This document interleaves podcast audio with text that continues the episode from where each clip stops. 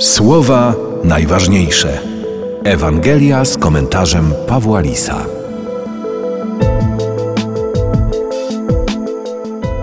Jezus przyszedł w granice Judei i Zajordania, a tłumy znowu ściągały do niego i znów je nauczał, jak miał w zwyczaju.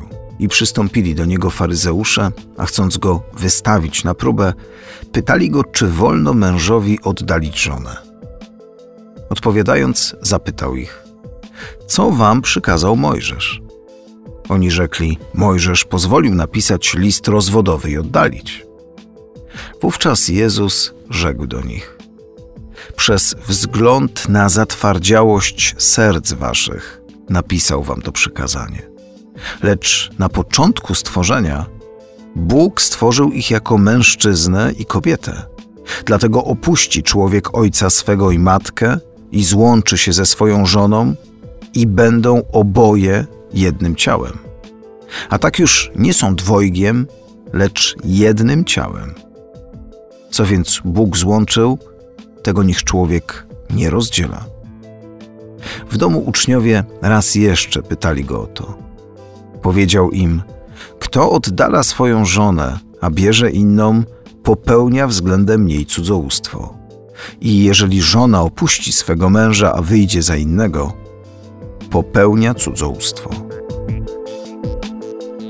Sam fakt, że faryzeusze zadali to konkretne pytanie, ponownie podkreśla, że związek mężczyzny i kobiety zawsze był bardzo istotnym elementem społeczeństwa, świata.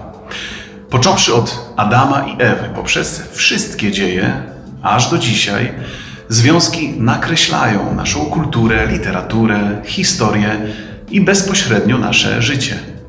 Jezus w dzisiejszym fragmencie czytania według ewangelisty Marka nadaje temu faktowi jeszcze głębszy sens, zamykając w klamrę istotę małżeństwa, nadając jak gdyby pieczęć sensowi bycia razem. Nie będą już dwojgiem, lecz jednym.